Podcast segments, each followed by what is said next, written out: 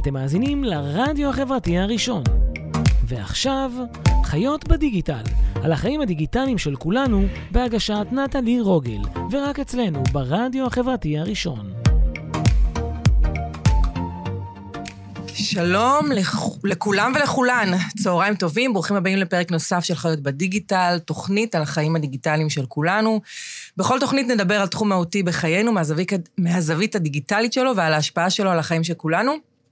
והתוכנית היום תעסוק בעתיד. Uh, האורחת שלי היום היא חוקרת עתידים, מובילת תהליכי חדשנות ואסטרטגיה, בעברה הייתה סמנכ"לית של חברת מחקר וייעוץ גדולה באפריקה, מנהלת יחידת החדשנות במטריקס, היא מרצה, והיא טכנו-אופטימית. מאוד. יאלי אדמתי, איזה כיף שאת כאן, תודה רבה שהגעת. תודה רבה על ההזמנה. אני צריכה לדבר. את צריכה לדבר יותר קרוב למיקרופון, כן, בדיוק. אוקיי. אז מה זה אומר בעצם להיות חוקרת עתידים? אני אדבר קודם על הצד הטכני, ואחר כך נדבר על הצד הרגשי. אוקיי. אז הצד הטכני זה בעצם אה, לעשות scouting של כל מה שקורה בכל אחת מ-15 הטכנולוגיות אה, המאפשרות או המשבשות, תלוי מאיזה זווית את מסתכלת. אוקיי. מה קורה בבינה מלאכותית, בהדפסת תלת מימד, אה, ב-IoT וכן הלאה וכן הלאה.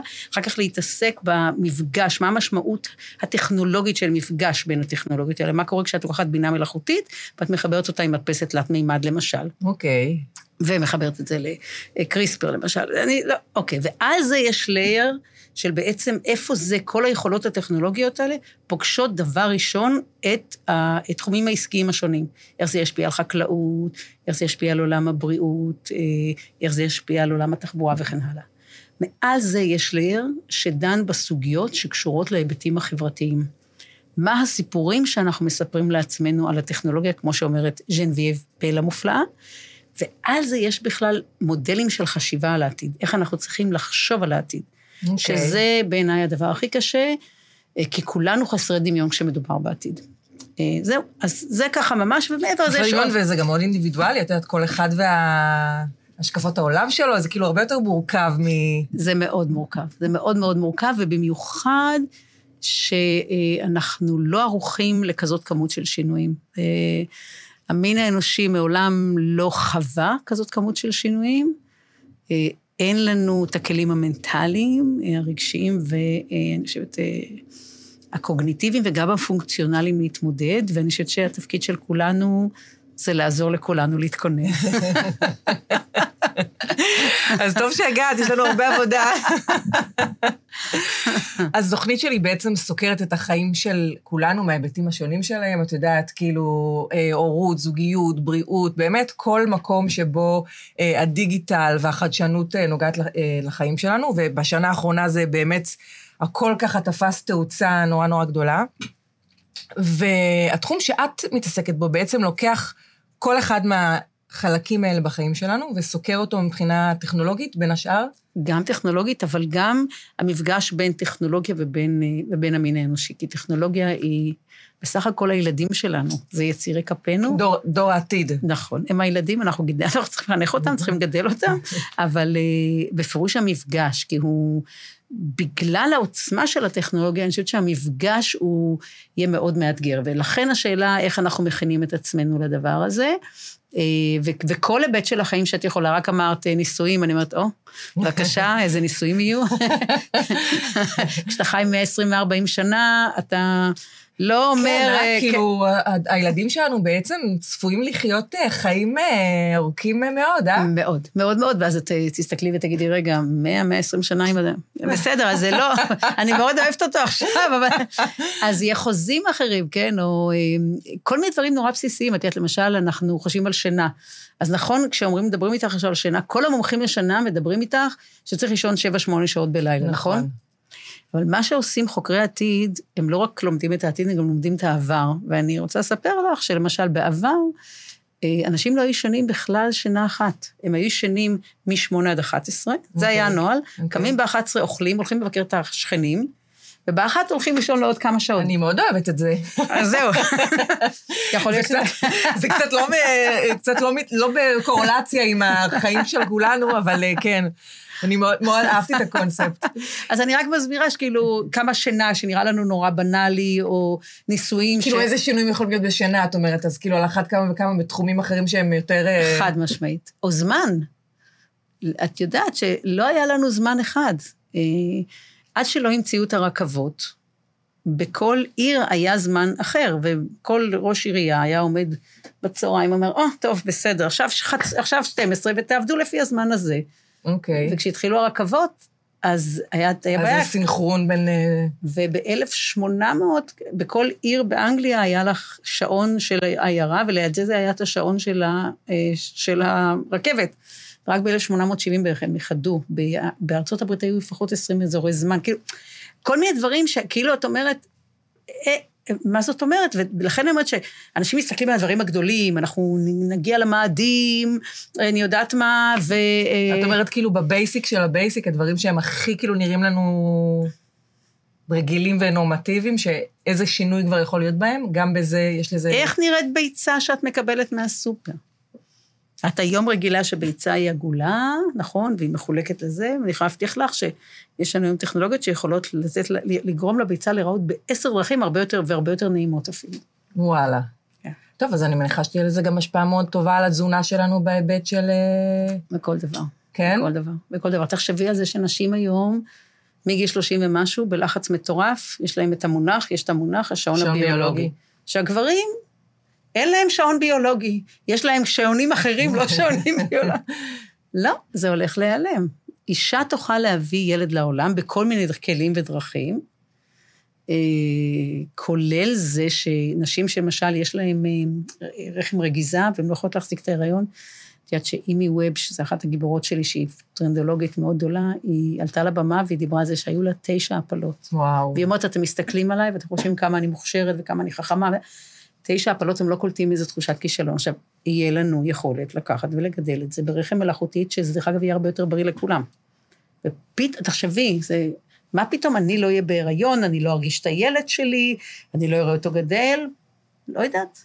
זה מביא המון אה, חומרים למחשבה, אני חושבת על זה. זה מהפכני, זה מטורף. אולי הסתכלות שלי על זה, בגלל שאני עדיין לא בעתיד, אז היא קצת אה, שמרנית יותר בעניין, בעניינים האלה, אבל, אה, אבל כן, זה, זה באמת אה, מטורף. אני גם, אני גם קולטת שהגישה שלך בכלל לכל הדברים האלה היא נורא נורא אופטימית. כן, מאוד, מאוד. אני, אני בכלל אדם אופטימי.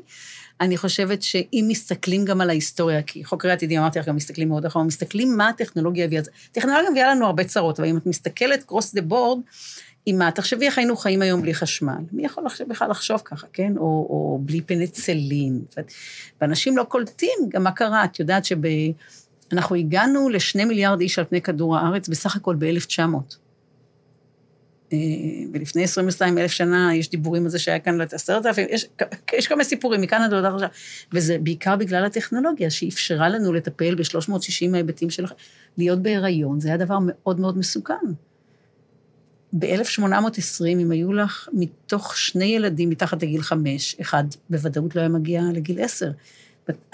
מטורף. 87 אחוזים היו קמים בבוקר ולא היו יודעים אם יהיה להם מה לאכול בערב, כאילו, אנחנו שוכחים. אנשים, אנשים היו שורדים עד גיל 40, זה כאילו... גג, גג, כן, וכן, ואז אז אני חושבת שאם את מסתכלת אחורה ואת אומרת, האם הטכנולוגיה הביאה דברים חיוביים? בצד זה שהיא עשתה גם נזקים, אני לא מזלזלת, חס וחלילה.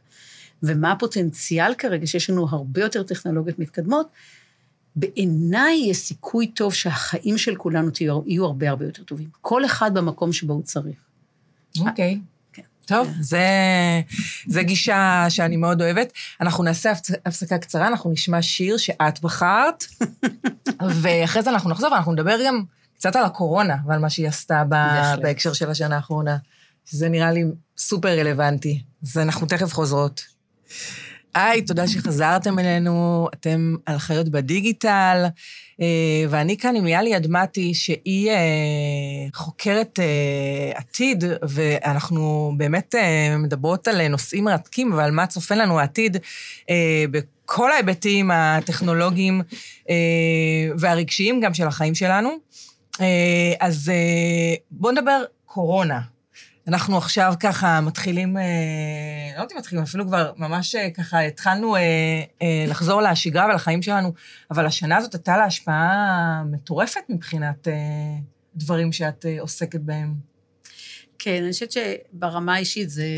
סליחה, ברמה האישית, היתרון יש הרבה יתרונות לקורונה, אבל תכף אני אדבר על זה, אבל ברמה האישית זה שעד לפני שנה שהייתי באה ואומרת לאנשים, תקשיבו, העולם הולך להשתנות, ובעשור הקרוב כמות השנים, הם היו חושבים שאני, הם אמרו, ככה, מתוך 100 איש, 90 היו אומרים, היא בחורה ממש נחמדה, היא לא יודעת, אנחנו לא מבינים על מה היא מדברת בכלל, היא קצת מעופפת. אה, חמישה היו אומרים, אוי, זה ממש ממש מעניין, אני צריך לפנות לזה זמן. שניים היו נכנסים לפאניקה והיו אומרים שתלך מכאן, ושלושה היו אומרים, רגע, רגע, רגע, רגע, אל תלכי, ומתוכם אולי אחד היה... אז אני חושבת, ש... אני חושבת שהקורונה היא, היא, אה, אה, היא, היא סימן, היא סימן בשבילנו שאנחנו צריכים לעשות רישאפל. וריבוט להרבה מאוד מערכות. אני חושבת שהמערכות החברתיות שלנו הן במצב לא טוב, אנחנו לא בנינו נטוורק ש, אה, שמטפל, לא בנינו מערכת הגנה ששומרת על האוכלוסיות החלשות יותר. אנחנו לא, אנחנו מה שנקרא ניהלנו אה, כמערכת של רווח והפסד את המערכות המרכזיות שלנו, שזה חינוך ובריאות, אתה לא יכול, זה, זה מערכות תשתיתיות של כל חברה. אה, אני חושבת שהיו תהליכים לא נכונים של חלוקת הכוח בין הכוחות, בין המערכות השלטוניות ובין חברות הטכנולוגיה, והמודל הזה של בואו ניתן לכוחות השוק לפעול הוא, הוא מודל בעייתי, אה, וכן הלאה וכן הלאה, אני יכולה לדבר. ואני חושבת שמה שקורה כרגע זה, אה, זה הייתה פאוזה גלובלית. כן, חד משמעית. כולם יושבים בבית, חושבים, ו... אז אני אגיד, אני חושבת מה הדברים, אני חושבת, אני חושבת שהקורונה הייתה מאוד חשובה. אני חושבת שחס וחלילה, לא שאני מאחלת לנו עוד מגפות, זה הדבר האחרון שאני מאחלת, וליבי עם כל מי שנפגע באיזשהו אופן, אבל התוצאות הלא אה, מתוכננות, ודרך אגב, העדיין לא נראות לעין של הקורונה, הן הכי משמעותיות. עכשיו, אני כן אדבר על התוצאות, מה שנקרא, הגלויות לעין. התוצאות הגלויות לעין זה השיתוף פעולה היוצא מגדר הרגיל. אנשים לא מבינים את גודל הנס אה, של אה, החיסון. החיסון, חיסון בדרך כלל לוקח לנו לבנות אה, למין האנושי בין עשור ל-14 שנה. החיסון שלקח לנו הכי פחות זה אה, חמישה חודשים. כשהיינו צריכים לפענח את הקוד הגנטי של סארס, לקח לנו חמישה חודשים. את של אה, הווירוס הנוכחי של הקורונה לקח לנו 48 אה, שעות. תוך 48 שעות זה הופץ לכל המערכות, לכל מערכות הבריאות ולכל החברות המרכזיות בעולם. קיבל את זה המנכ"ל של אה, מודרנה, הוא מספר, ב-11 בינואר 20, הוא העביר את זה, דרך אגב, זה, זה היה העתק דיגיטלי, זה לא העתק פיזי, הם לא ראו את הווירוס אף פעם. אוקיי. Okay. הם תוך 48 שעות עשו דיזיין לאותו, אה, אה, מה שנקרא, לאותו חיסון שכולנו קיבלנו. הוא אחרי 48 שעות העביר את זה כדי לקבל אישור מה-HNS, הוא קיבל אישור. תוך 66 יום נכנסו לניסויים בבני אדם, ותוך 30, סליחה, בחיות, ותוך 33 יום נוספים נכנסו לניסויים בבני אדם. 333 יום אחרי שהוא קיבל את העתק הדיגיטלי של הווירוס, התחלנו לחסן. מעולם... מטורף. בתור... זה מהפכני. אני חושבת שאנשים לא מבינים גם, כאילו, בגלל שאנשים לא מבינים. אין מודעות לת... לתהליך. יש פאזה ראשונה, יש פאזה שנייה, יש פאזה שלישית, יש כאילו... וזה תהליכים שלוקחים שנים, וזה באמת, אה, מה שנעשה פה אה, הוא מדהים, וזה גם מוכיח את עצמו, לשמחתנו. אה, ומה, ומה בשאר ההיבטים, כאילו בהיבטים המקצועיים שלנו, בהיבטים של שירותים שאנחנו רגילים אה, לצרוך בשוטף, שירותי בריאות? אנשים, תראי, אנשים כרגע מדברים על המעבר לאונליין. אמ, אני חושבת שזה חשוב, אני לא חושבת שזה העיקר, אני חושבת שזה התחלה, זה, או זה שפתאום מותר לאנשים לעבוד מהבית, סוף סוף גברים יכולים לעבוד מהבית יומיים, מותר להם לאכול ארוחת צהריים עם הילדים שלהם ולא לראות אותם רק בסופי שבוע, בעיניי זה מצוין. אה, אה, אז אני חושבת שזה דברים שהם... הם, הם מתבקשים, הם היו קורים בכל מקרה. זאת אומרת, למשל, הקפיצה באונליין, בארה"ב הייתה הערכה שיגיעו לאחוזים שהגיעו תוך אה, עוד עשור, הגיעו תוך חודש וחצי. אני חושבת שהדברים היותר משמעותיים זה העובדה שכרגע מתחילה להיוולד תרבות חדשה, ואנחנו לא רואים את זה. אוקיי, okay, תרחיבי, תרחיבי בעניין הזה. אוקיי. okay. תרבות היא תוצר של תת-מודע קולקטיבי. אוקיי. Okay. תת-מודע קולקטיבי נולד כאשר נולדות תובנות, אה, אה, אה, תובנות קולקטיביות. במקרה הנוכחי, יש לנו תובנות קולקטיביות גלובליות, כי זה קרה לכולנו בו זמנית. תחשבי זה כמו על הדשן שם למטה וההתחלה של הזרעים שנזרעים ועוד אף אחד לא רואה. אני לפחות מאמינה שיש עשר תובנות קולקטיביות חדשות כמו כולנו אחד. אף אחד לא חושב יותר שמה שקורה בכפר בהודו לא צריך לעניין אותו. נכון. אה, שיתוף הפעולה ההכרחי. וואי, זה מה זה נכון. אני זוכרת שכששמענו בהתחלה, כשהתחיל כל הסיפור הזה במזרח, בסין, אז כאילו, זה כאילו היה לא רלוונטי בכלל. כאילו, החיים שלנו התנהלו כרגיל, ואז פתאום בום, עלינו, מבינה? ו- וזה, וזה הפך לכולם את החיים. כן, איך הרגשת עם זה, דרך אגב, מעניין? אה, אני חושבת שלקח לי זמן לי, ל, ל, להבין שזה כאילו, שזה אשכרה קורה, שזה אשכרה פה, כאילו, אני ממש הייתי בהדחקה עם הדבר הזה. ואחר כך? את יודעת, כאילו, ההסתגלות זה הייתה כן. די מהירה. כאילו, לא, לא הייתה לא הייתה ברירה. ברירה. לא הייתה ברירה. אבל, אבל זה נכון בהיבט הזה שפתאום אתה אומר, כאילו, אתה חושב על אנשים מעבר למעגל המשפחתי הפנימי שלך, כי קרו המון המון מקרים של אנשים שהיו חייבים וצריכים אחרים, ועזרה, ותמיכה, וזה כאילו משהו ש... אני חושבת שגם יותר מזה, אתה פתאום מבין כמה אתה מחובר ועד כמה אתה צריך לתת, כי, אה, אה, כי זה חלק ממי שאתה כבן אדם, זה חלק מהמהות האנושית שלנו, אנחנו חלק, אנחנו מחוברים כולנו. אני חושבת שהמהות שלנו היא אהבה, היא לא משהו אחר. אז אני חושבת שבמובן הזה הקורונה הוציאה, היא הייתה ביטוי קולקטיבי של אהבה, אומרת את זה, יש אה, משוררת אמריקאית שאמרה את זה מאוד יפה, שהרחובות השוממים של ניו יורק, שכל כך התמונות היו מזעזעות עבורנו, מי שאוהב את ניו יורק, והיא אמרה, אנשים חושבים שזה זעקת ייאוש, אבל בעיניי זה שיר אהבה לכל האנשים שאנחנו לעולם לא נכיר, ושאנחנו נשארים בבית כדי להגן עליהם, ושלעולם לא יוכלו להוד- להודות לנו. עכשיו, אז האהבה הקולקטיבית... מקסים. היא מדהימה, כן, זו משוררת מדהימה. והדבר הבא זה שמדע וטכנולוגיה. אה, היה, היה תהליכים של דמון, דמון, דמון, דמוניזציה, וד, באמת, ו, ו, והרחקה, ו, ואמירות איומות של מנהיגים פוליטיים פופוליסטיים נגד אה, אנשי מדע. היה דיון מאוד כבד בשנה שעברה עם מקבלי פרס נובל, שהם ישבו סביב השולחן ושאל אותם המנחה, מה מטריד אתכם? והם אמרו, אנחנו לא יודעים מי ימשיך אותנו.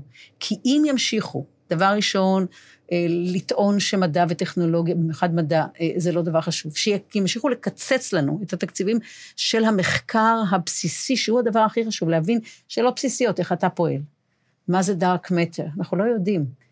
ושמעבר לזה, מה שנקרא, ימדדו אותנו כמו אה, במערכת של יעילות תפעולית. מדע ואומנות זה שני תחומים שאתה חייב ללכת לאיבוד. אתה חייב ללכת לאיבוד כדי למצוא דברים חדשים, ואתה צריך את המרחב נשימה. אמרו, אנחנו לא יודעים מי יחליף אותנו. ופתאום למי אנחנו פונים כשיש לנו צרות? כן. אז, אז יש תובנות מרכזיות שנולדות, ואני חושבת שמה שנראה בעוד עשור מהיום, ייקח לנו שנתיים, שלוש, עד שנתחיל לראות, והדברים הכי חשובים, את יודעת את זה, מהחיים בכלל, הם הסמויים מהעין. נכון. אז- מסכימה. אז בעוד עשור שנסתכל, אנחנו נגיד, איפה הדברים, מאיפה זה בא, התרבות החדשה הזאת, הגיבורים החדשים האלה, הערכים השונים, זה התחיל בקורונה. אוקיי. אה, אז בואו נדבר על בינה מלאכותית, זה תמיד קצת נושא שהוא שנוי במחלוקת, תפיסתית, קשה, נראה לי, לרוב בני אדם, אה, אה, המחשבה הזאת ש, שתפקידים מסוימים ייעלמו מהעולם, אה, ש, שיחליפו אנשים בעצם רובוטים או טכנולוגיות כאלה ואחרות. אז אה, רוצה לנסות לעשות קצת סדר בעניין הזה? אני אשמח. אני חושבת שדבר ראשון, שפה יוצרת מציאות, והמונח בינה מלאכותית, הוא, הוא, נוצק ב-1956, באותו, באותו, היה מפגש מאוד מאוד ידוע, שבו למעשה קבוצות של פיזיקאים, מתמטיקאים, ודרך אגב, פסיכולוג התנהגותי אחד, סקינר, שחושב, שהאמין שאנשים הם, הם בעצם כמו רובוטים, כן? הם ישבו והם המציאו את השם בינה מלאכותית, כי אז כל מה שמלאכותי היה מאוד חיובי, כי בפלסטיק היה פארי יצירה. אז דבר ראשון, אני חושבת שהבחירה במונח היא אומללה, זה כמו שאם אני אשאל אותך כמה חומר משמר יש בקופסאות שימורים, כמה יש? אין לי מושג. אין בכלל. אוקיי. עכשיו, כשאת אומרת לאנשים שימורים, יש חומר משמר. אז המונח הוא מאוד מאוד בעייתי. אם הייתי רק משנה את זה, והייתי קוראת לזה, למשל, תוספת לבינה האנושית. הייתי אומרת לך שזה כמו כדור, אוקיי? או כמו פרטנר, אה, אה, שיודע, למשל, את כרגע, יש לך, אה, אני אקח את זה רגע לתוך החיים. תראה צריך שיש לך אה, ארוחה שאת הזמנת 20 חברים. את אלופה באפייה. את לא יודעת שום דבר בהכנת בשר. יש לך חברה נהדרת שלא סתם יודעת לעשות בשר תוך שלוש דקות, ואנשים חושבים שזה הגיע ממשלן, מאיזשהו מסעדה משלן. Okay. את תזמיני אותה להכין איתך את הארוחה או לא? בוודאי. זה הסיפור של הבינה המלאכותית. הבינה המלאכותית, אנחנו המצאנו לעצמנו כלי, אני לא אכנס לכל המורכבויות. עזר כנגדנו. נכון. שיעזור לנו לדאוג יותר טוב לעצמנו. עכשיו, יש הרבה בעיות, אני לא אכנס מתחת, מה שנקרא, מתחת למנוע, מתחת לזה, יש הרבה מאוד. יש את הסיפור של הדאטה, יש כל מיני בעיות טכ... טכנולוגיות, אבל לגבי הסוגיה האמיתית של מה התפקיד של הבינה המלאכותית, הבינה המלאכותית תאפשר לכולנו, ללא יוצא מן הכלל, לחיות חיים יותר טובים. עכשיו, זה נכון שחל, אני אסביר את זה ככה, בכל אחד מהמקצועות שלנו, זה לא רק, דרך אגב, זה לא רק בינה מלאכותית, זה גם הרובוטים וזה גם ההדפסת תלת מימד, אבל בכל אחד מהמקצועות יש לנו איקס, אה, מטלות שאת צריכה לעשות כל יום. כני, ברוב, ברוב המקצועות כנראה יהיה בין 20 ל-50 מטלות שאת יכולה לעשות להן אוטומציה בדרך כזאת או אחרת. מה זה אומר? זה אומר שאת משחררת ל-50% מהזמן. עכשיו, ב-50% מהזמן, את לא הולכת לעשות דברים יותר נחותים, את תעלי בשרשרת הערך. תחשבי על זה כמו על הכספומטים. כשהגיעו הכספומטים, ההנחה הייתה שלא יהיו יותר, כספ... לא יותר סניפי בנק. יהיה זה, יהיה טלר אחד, וגמרנו. יש לנו פי שלוש טלרים מאשר היה לנו ב-1979, שהתחלנו עם הכספומטים. מה הם עושים? הם, הם, במקום לשבת ולספור כסף, זה מה שהם עשו. מה, מה, מה היו עושים אנשי הכספרים? קראו להם כספרים, כן? הם ישבו, נכון? אנחנו שחררנו אותם, הם עושים דברים אחרים. אז אנחנו עכשיו, ויש מקצועות שיעלמו. אבל אני רוצה לשאול אותך אם את מתגעגעת לחוטבי העצים. יודעת, באופן אישי. אני ממש הייתי צריכה אותם בשוטף, אבל את יודעת. כן, והיה שואבי מים, אז יש מקצועות ש... ואלה עם ה... והחלב, והחלב, וכן הלאה. קרח. וקרח, בדיוק. את מתגעגעת? לא, אה, אוקיי. לא, אני לא... לשמחתי, אני לא, לא נולדתי הרבה אחרי, כן. אבל... ותביני שלפני מאה שנה... נשים למשל עבדו בין 15 ל-18 שעות ביום רק כדי לטפל בבית. זה נפל בדרך כלל על נשים כמובן. אז, אז אנחנו, אנחנו, עכשיו כולנו חיים כבר עם רובוטים, יש לך מכונת כביסה בבית. בוודאי. רובוט. מייבש כביסה. בוודאי. אנחנו כבר חיים איתם, אנחנו פשוט, ברגע, זה נורא מצחיק. אה, מישהו אמר את זה פעם נורא יפה, שאנחנו קוראים למשהו טכנולוגיה, בינה מלאכותית, עד שזה הופך להיות חלק מהחיים. כי את לא חושבת עכשיו על המקרר שלך כמו על טכנולוגיה, נכון? נכון על לשואב אבק. ולא לשואב... מוצר אה, בסיס. אי אפשר בלי זה. אז אני חושבת שכרגע, בגלל, יש הייפ אדיר, אני חושבת שצריך להבין שדבר ראשון, הטכנולוגיה בכל זאת מתפתחת יותר לאט ממה שאנשים חושבים. ו- ח... ולא להיבהל מזה, להפך, לאמץ את זה, כן, ולהבין כן. שזה יכול לסייע לנו בשוטף. כן. אני חושבת, יש, יש אמירה מאוד מעניינת של ג'נבייב בל, שהיא הייתה מוב... אנתרופולוגית שהייתה מרכזית בחיים של אינטל, והיא אומרת שהקושי שלנו עם טכנולוגיה, זו הבחנה מאוד מעניינת, זה משום שאנחנו לוקחים משהו שהוא דומם, ואנחנו בעצם נותנים לו יכולות שלא היו לו. כאילו אנחנו מפיחים בו חיים. והיא אומרת, אם אנחנו מסתכלים על זה, אפילו מהפרה-היסטוריה, הסיפור של גן עדן. כן? אז אתה נותן לחיים, ואולי החיים האלה יעשו משהו אחר ממה שאתה רוצה, ואז ייגמר רע. זאת אומרת, זה משהו, איזה מיתוס שקיים לנו. יש הרצאה מופלאה שלה שאני עשיתי לה take ונתתי אותה, שנקראת הפרה-היסטוריה של הרובוטים. ולמה פרה-היסטוריה? כי לפני שהמונח נולד, לפני 1921 לא היה מונח רובוטים. אבל יש לנו כבר את הגולם, ויש לנו את פרנקנשטיין וכן הלאה. זאת אומרת, כבר זה, כשהגיעה המילה רובוט, כבר זה היה לזה, ישב על הרבה מאוד מטענים חברתיים. אז אני חושבת ש... אם אתה רגע עושה decoupling של המיתוסים, ואתה מסתכל בפועל על כל טכנולוגיה וכל אפילו אה, אמצעי או פונקציה, ואתה שואל באופן ספציפי על מי זה ישפיע, איך זה ישפיע, למי זה יתרום, על מי זה מאיים, ועל האוכלוסיות שזה מאיים עליהן, ויש כאלה. אני האחרונה שתגיד שלא, אנחנו צריכים לטפל בהן. אנחנו או צריכים לעשות להם retraining, או למצוא להם מקור פרנסה אחר, או לתת להם net, חד משמעית. מרתק, באמת. אה, טוב, אני יכולה להמשיך אה, לשבת ולדבר איתך פה שעות, אה, אבל אני רוצה שאנחנו לקראת סיום, ברשותך, בטח. שתגידי, תספרי לנו על שלושה דברים שככה אנחנו יכולים לצפות להם, מה שנקרא, בעשור, ה... בעשור המתקרב. אוקיי, okay, אז אני חושבת, כי התחלנו לדבר בהתחלה, דיברנו קצת על מחלות ועל בתי חולים. אז אני חושבת שאנחנו צריכים להיערך לשינוי דרמטי בעולם הרפואה. הרפואה שלנו היום מטפלת בחולים, זה סיקר. ואנחנו הולכים להיות בסיטואציה שרובנו נחיה בזכות ההתקדמות בתחומים הללו של רפואה וטכנולוגיה, אנחנו כולנו נחיה אנשים נגילי, בין, מעל גיל 40 ו-50 וכן הלאה, אנחנו נחיה לפחות עד גיל 100, וה, והילדים שלנו יחיו עד גיל 120, אבל מה שחשוב זה לא רק שאנחנו מאחלים את תוחלת החיים, אלא את איכות החיים. זאת אומרת, כמו שזה נראה, אנחנו נהיה חולים רק לקראת הסוף. הסיפור של מחלות כרוניות מאוד קשות, שאנשים סובלים מ-1, 2, 3, אני חושבת שזה דברים שאנחנו פחות נראה אותם. אני חושבת שאנחנו לפני מערך פתרונות מאוד מעניינים בתחום הסרטן, אז זה דבר ראשון. הדברים היותר בנאליים, מי שחושב שלא יהיו רחובות מכוניות אוטונומיות, אני חושבת שהוא... לא בדיוק רואה את זה מדויק, יהיה לנו גם מוניות מעופפות אוטונומיות, ורובנו נוותר על הרכבים שלנו, כי המחיר יהיה כל כך הרבה יותר אטרקטיבי, זה יהיה, בין, בין, זה יהיה בין 25 ל-30 אחוזים ממה שעולה לך היום להחזיק רכב, ואת תוכלי כל פעם להחליף ואת רוצה רכב אחר, כל, את יכולה כל רגע. וזה אני ממש בחכה, את האמת. ונשים, דרך אגב, יהיה להם פתרון לקמטים. גברים, יש פתרון כבר חדש להתקרחות, שבשנה הבאה יוצא. אה, אני חושבת שאנחנו נראה שיפט אדיר. אנחנו, אנחנו הולכים לשים בארבע שנים הקרובות את הסלולרי על העיניים, ואנחנו הולכים לעבור למערכת שיהיה לנו על משקף אחד שלוש רמות של מציאות, פיזית, אה, אה, רבודה ומדומיינת. וואו. אני חושבת שאנחנו נראה מודלים חדשים של טיפול בבעיות של המוח, ואני דווקא מדברת על בעיות... ילדים... קוגניטיביות ולאו דווקא. כן, או ילדים, יש לנו כבר, ה-FDA אישר פעם ראשונה אחרי 13 שנה של מחקר תרופה דיגיטלית לילדים במקום רטלין. מדהים. מדהים. אז אני חושבת שמחכו... אני חושבת שמה שחשוב זה לפתוח את הלב, וזה בסדר לפחד.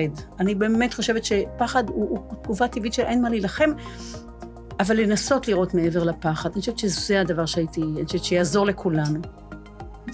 זה מרגש בעיניי שאת מדברת על דברים ועל התפתחויות ועל טכנולוגיות וחדשנות, ואז בסופו של דבר את מסכמת את זה ושאנחנו צריכים לפתוח את הלב. זה... וזאת האמת. וזה, נכון? וזאת האמת של החיים. יאלי אדמתי, תודה רבה רבה שהגעת להתארח בתוכנית. תודה. אנחנו נשתמע אה, בתוכנית הבאה, בחיות בדיגיטל. תודה רבה שהאזנתם, יאללה ביי.